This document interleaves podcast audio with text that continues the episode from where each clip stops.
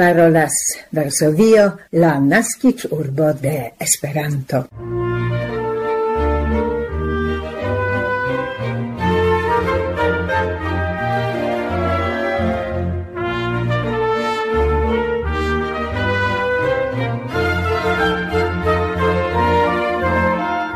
Jam la 1294 fojon El Varsovio bonvenigas vin tre kore, gesinjoroj, la redakcia skipo de la Pola Retradio en Esperanto.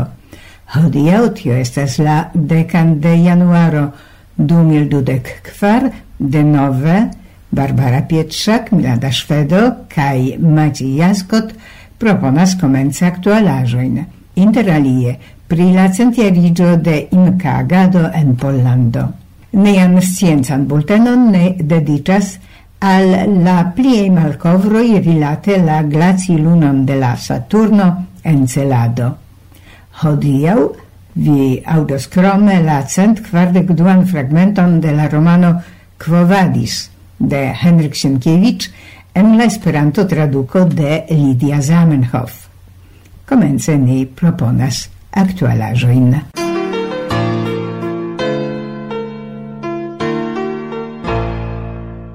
naŭcent jaroj en decembro 1923 en Pollando creigis la organizo Pola Imca, dank al kiu pola junularo konatiĝis kun tiaj sportbranĉoj kiel retpilko, korbopilko kaj akvopilko. Young Men's Christian Association IMCA, kristana societo de junaj viroj, gvidanta la educan kaj protektan agadon por junularo, creigis en junio 1844 en Londono, laula iniciato de filantropo Sir George Williams. Sep jarojn poste giai filioi creigis en Usono, en Francio, Svislando cae queldeco da aliai landoi. Alla regaininta en 1910 suverenetson Pollando Imca venis el Francio en 1919. Estis establatai vendeioi por soldatoi, organizatai culturei eventoi cae popularigitai novai sportbranchoi. Imca centroi criigis inter alie en Varsovio, Krakovo, Lvovo, Brześć, Częstochowa, Lublin, Tarnopol cae Vilno. Imka popularigis la fizikan kulturon, gimnastikon, bokson, naĝadon, korboluktojn kaj aliajn sportbranĉojn. Krome Imka popularigis kulturon establante bibliotekojn kaj legejojn, organizante koncertojn, prelegojn kaj lingvokursojn. Por giai besonoi creigis en Varsovio la cefsideio de Imca ce la Varsovia Konopnicka strato. Post la explodo de la dua mondmilito, la sidejon transprenis la germana Wehrmacht. Post la milito Imka restarigis sian activadon en Pollelando.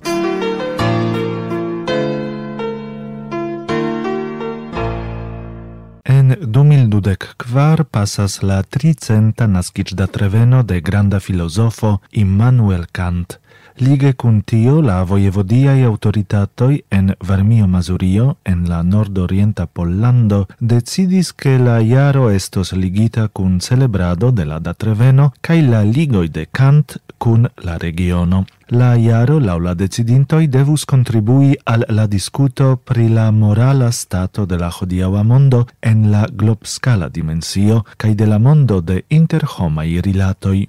Immanuel Kant 1724-1804 estis filosofo profesoro de la Universitato en Königsbergo. Li estis la creinto de critica filosofio, autoro de interalie critico de pura ratio.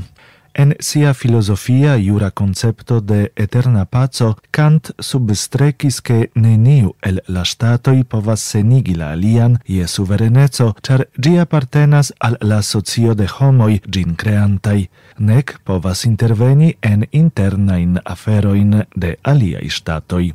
En la Varmia Mazuria vojevodio trovigas du lokoj quin Immanuel Kant visitis dum sia vivo. Tio estas Goudap kai Jarnoutovo. En Cilasta li laboris kiel instruisto dum kvar jaroj. Ambau lokoj omaĝas tiun fakton jen per monumento, jen per memortabulo cae sculptajo presentanta la filosofon.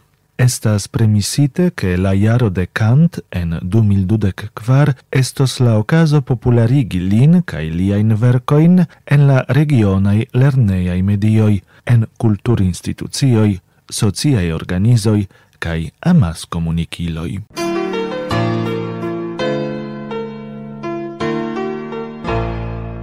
La fondajo Allianz examenis la sintenon de iunai plencresculoi rilate alla comprenemo por sen idezo. Tio estas vi planado excludanta infanoin. La esplorado basigis sur 34 grupai intervjuoj kaj dekmil enketoj.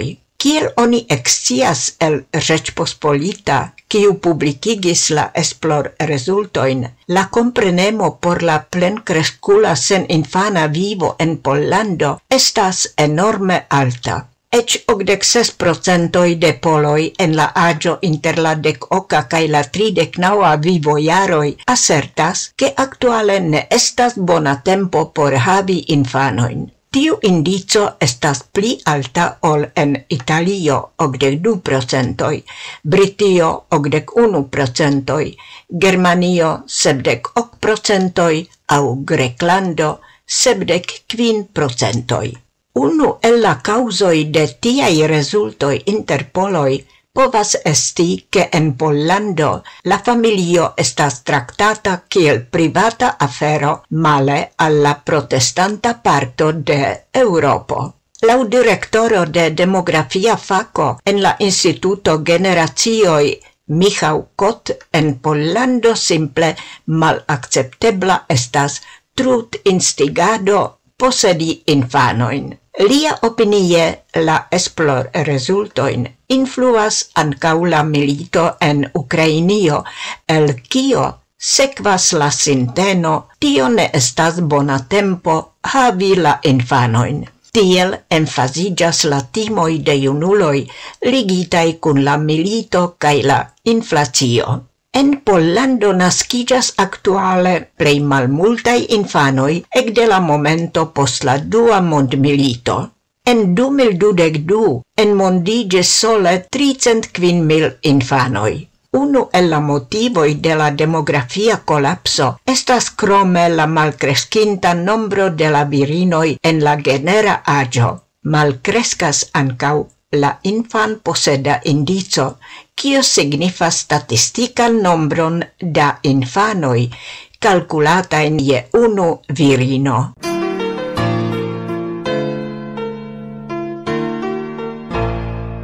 Parolas Varsovio en Esperanto.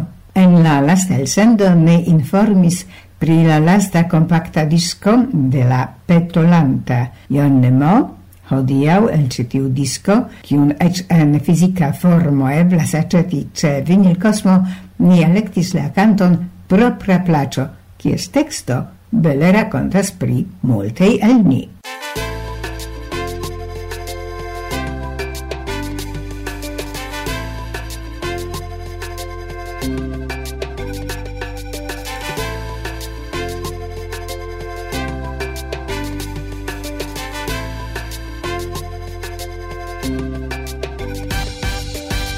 estás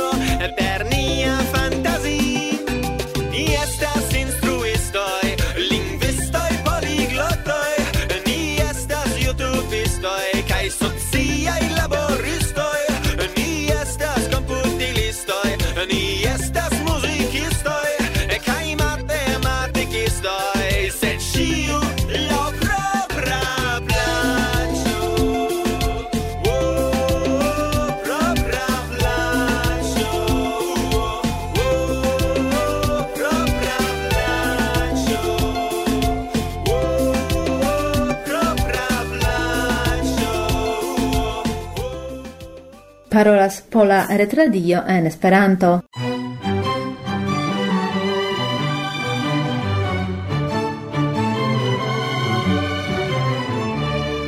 Sciencistoi el NASA informis pri eksterordinara malkovro concernanta elementon necesan por viv creigio sur Encelado, unu el pli ol cent lunoi de la Saturno. La esploroj confirmis crome che in la oceano, trovigianta sub ĝia glacikkupolo, trovigas mistera fonto de chemia energio, cio crescigas la versainon che la vivo povas tie evolui kaj dauri. Tiu ci nova malcovro de astronomoi de NASA baziĝas sur donitajoi de la sondilo Cassini, monitoranta la gigantan elsprucon de glacigrainoj kaj akvovaporo sur tiu ci Saturna luno. Iam pli frue oni konfirmis, che gi estas ricia je organicae kombinaĵoj necessai por la vivo. Nun la listo estis vastigita je hidrogena cianido. Lau Jonah Peter, doctorigianto en Harvard Universitato, citiu malcovro malkovro estis aparte ekscita, char temas pri enirpunkto por plimulto de la teorioi pri viv de veno. Hidrogena cianido, kiu estas forta veneno, estas unu el la plei gravai cae ciu ĉiuflankaj particloi necessei por creigiado de aminocidoi, sur kiui baziras konata al ni vivo. La malkovro crome malcasas ancora unu gravan aspecton, – kiu povus esti nemalhavebla por conservi la menciitan vivon. Tio estas la fonto de chemia energio en la oceano de Encelado. Kevin Hunt el Jet Propulsa Laboratorio de NASA La cunautoro de la esploroi assertas che se la laula punto de energio metanogeneso memorigas etan horlogian baterion, la nunei esploroi almontras che la oceano d'encelado povas oferti ion en la spezzo de automobile accumulatoro capabla liveri grande quante energion al ciu ce estatie vivo. Encelado evidentigas do unu el la plei promesso plenei locoi en nia sun sistemo se temas pri la serciado de la vivespuroi. Música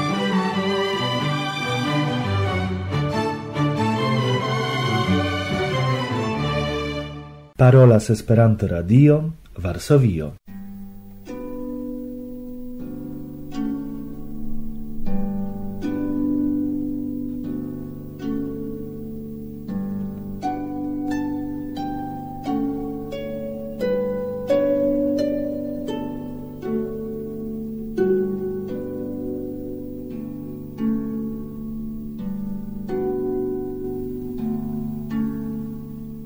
kovadis de Henrik Sienkiewicz en la Esperanto traduco de Lidia Zamenhof, la cent kvardek dua segmento. Petronius ne eraris vere. Du tagoin poste la juna nerva, ciam sindona cae fidela al li, sendis en cumoin sian liberigiton cun sigoi pri cio, cio en la Cesara Cortego. La pero de Petronius jam estis decidita. Oni intensis sendi al li en la sekvonta vespero centuriestron kun la ordono, che li haltu en cumoi cae attendu tie pluen disponuin. Alia curiero, sendota post quelcae tagoi, devis porti alli la morto verdicton. Petronius el auscultis la novajoin de la liberigito con sennuba serenezzo, poste li diris porto al via, signoro, unu el miei vasoi, ciuin oni donos al vi antau la foriro. Diru al li, anco en mia nomo, che mi dancas lin tot core, cer tia maniere mi povos antaui la verdicton. Cai subite li comencis ridi, kiel homo ciu captinte bonnegan idon, gioia santave pro gia plenumo. En la sama vespero ancora liei sclavoi discuris, invitante ciuin trovigiantain ancumoi augustanoin, cae ciuin augustaninoin, al festeno in la belega palazzo della arbitro de elegantezo. Li mem en la post tagmesei horoi scribis en sia biblioteco, poste banis sin, post cio li ordonis alla vestiplice, vestisin cae brila, belvestita, simila al dioi, li eniris por momento en la triclinom por rigardi per la oculo de competentulo la faratain preparoin, cae poste in la giardenoin, cie servo knaboi cae unei grecinoi e la insuloi plectis el rosoi cronoin por la festenantoi. Sul lia visaggio ne vidigis ec plei et azorgo. La serviste ekkonis, che la festeno estos io extraordinara, non lautio che li ordonis disdoni neordinare in recompenso in al ciui, pro ciui li estis contenta, che in grandan scorgiadon al ciui, chies laboro ne placis al li, au ciui ancorau antaue meritis ne riprocion cae punon. Ale citristoi cae cantistoi li ordonis pagi malavare antau la festeno, cae fine, sidiginte in la giardeno sub fago, tra cies foliaro penetris la sunei radioi, punto covrante la teron per lumei maculoi, li vocis al si eunicem. Si venis, blanca vestita, cun mirta branceto inter la haroi, belega kiel harito, cae li sidigis sin apode sin, cae facile tusinte per la fingroi sian tempion, Comencis rigardi sin con tia admiro, kun kiu artkonanto rigardas dian statuon, vercon de maestra skulptilo.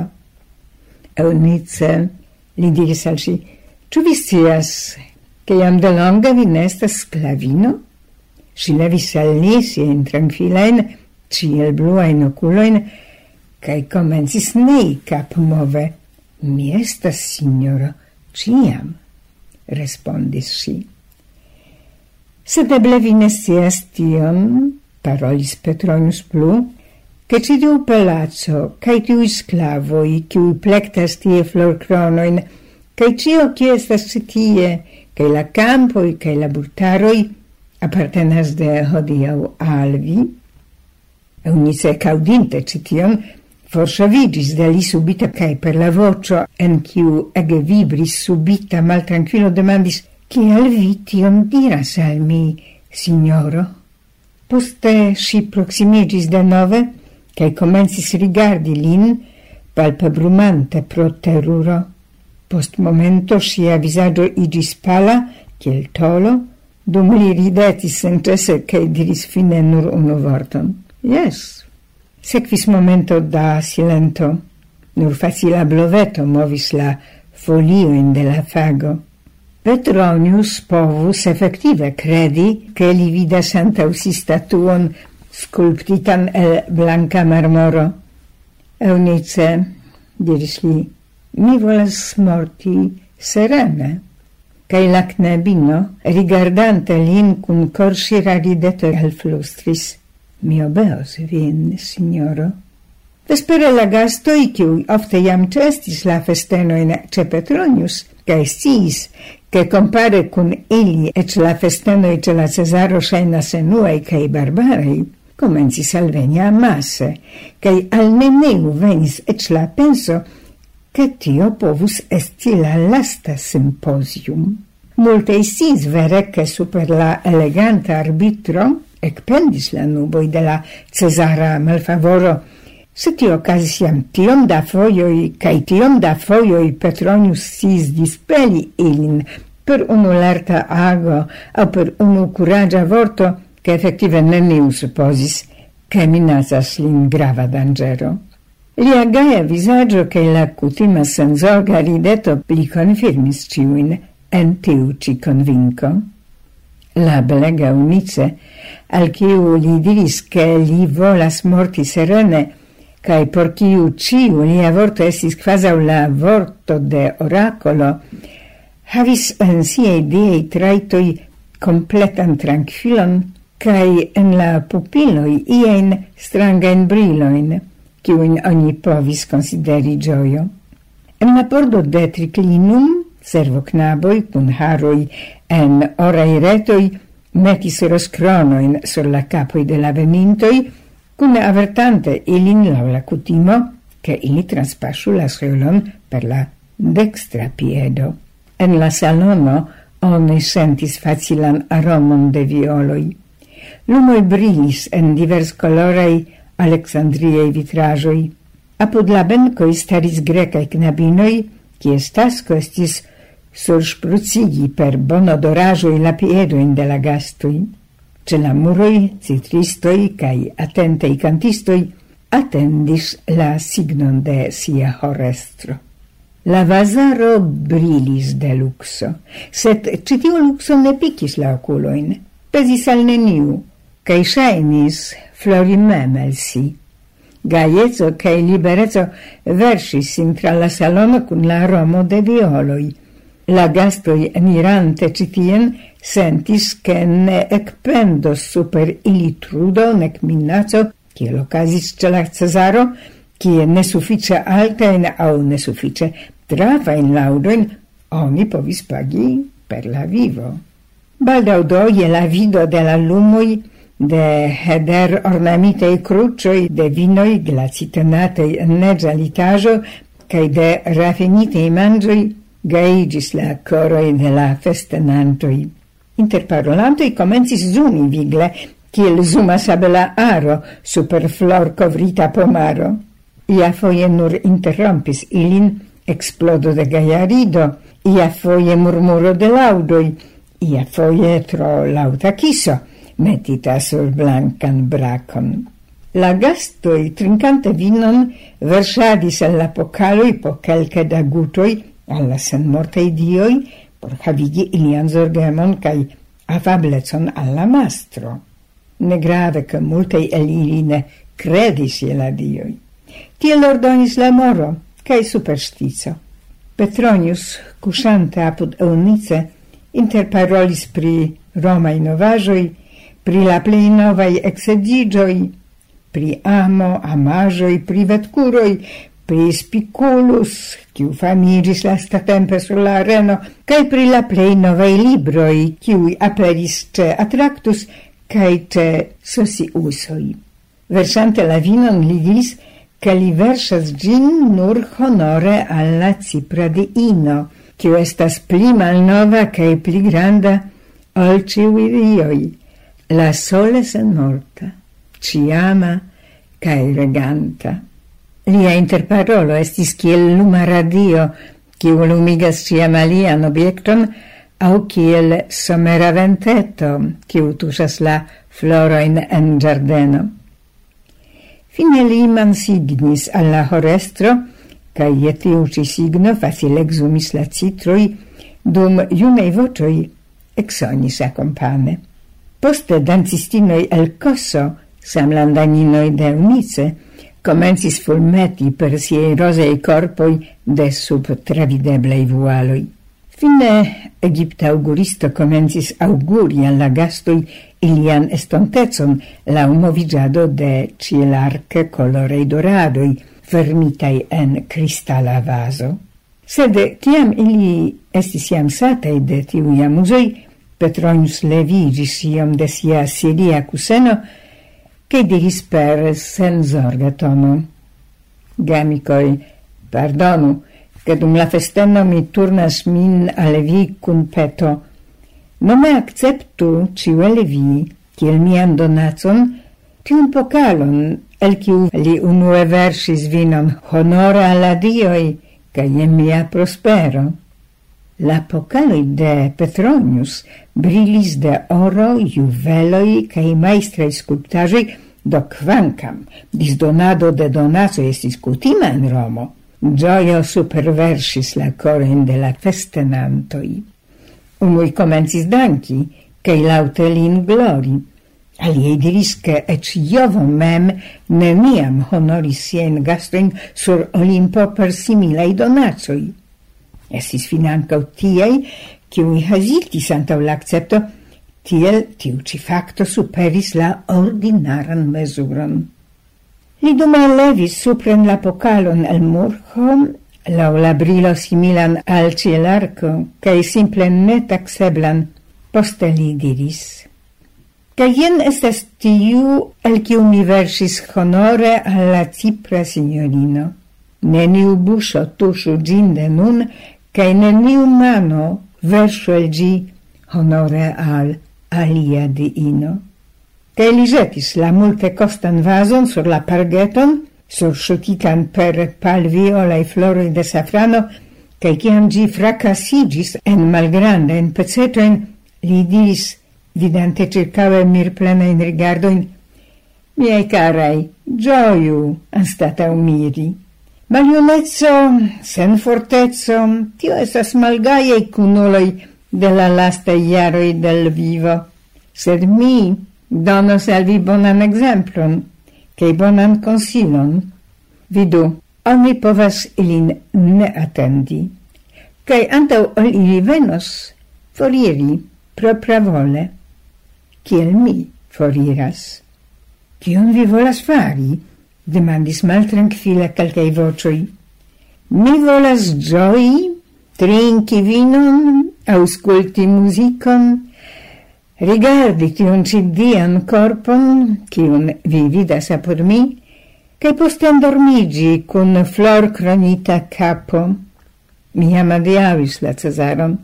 Tu vi volas ausculti, cion mi scribis al li adiaŭe?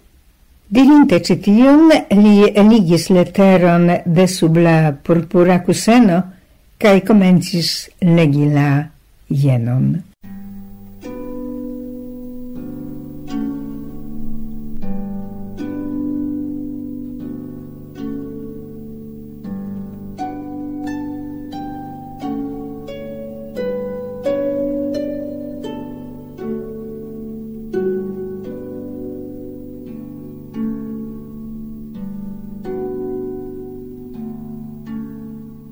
kiel la lasta programero de nia hodiaŭa Esperanto-elsendo aŭdiĝis la cent kvardek dua fragmento de la romano Kvovadis de Henrik Sienkiewicz en la Esperanto-traduko de Lidia Zamenhof.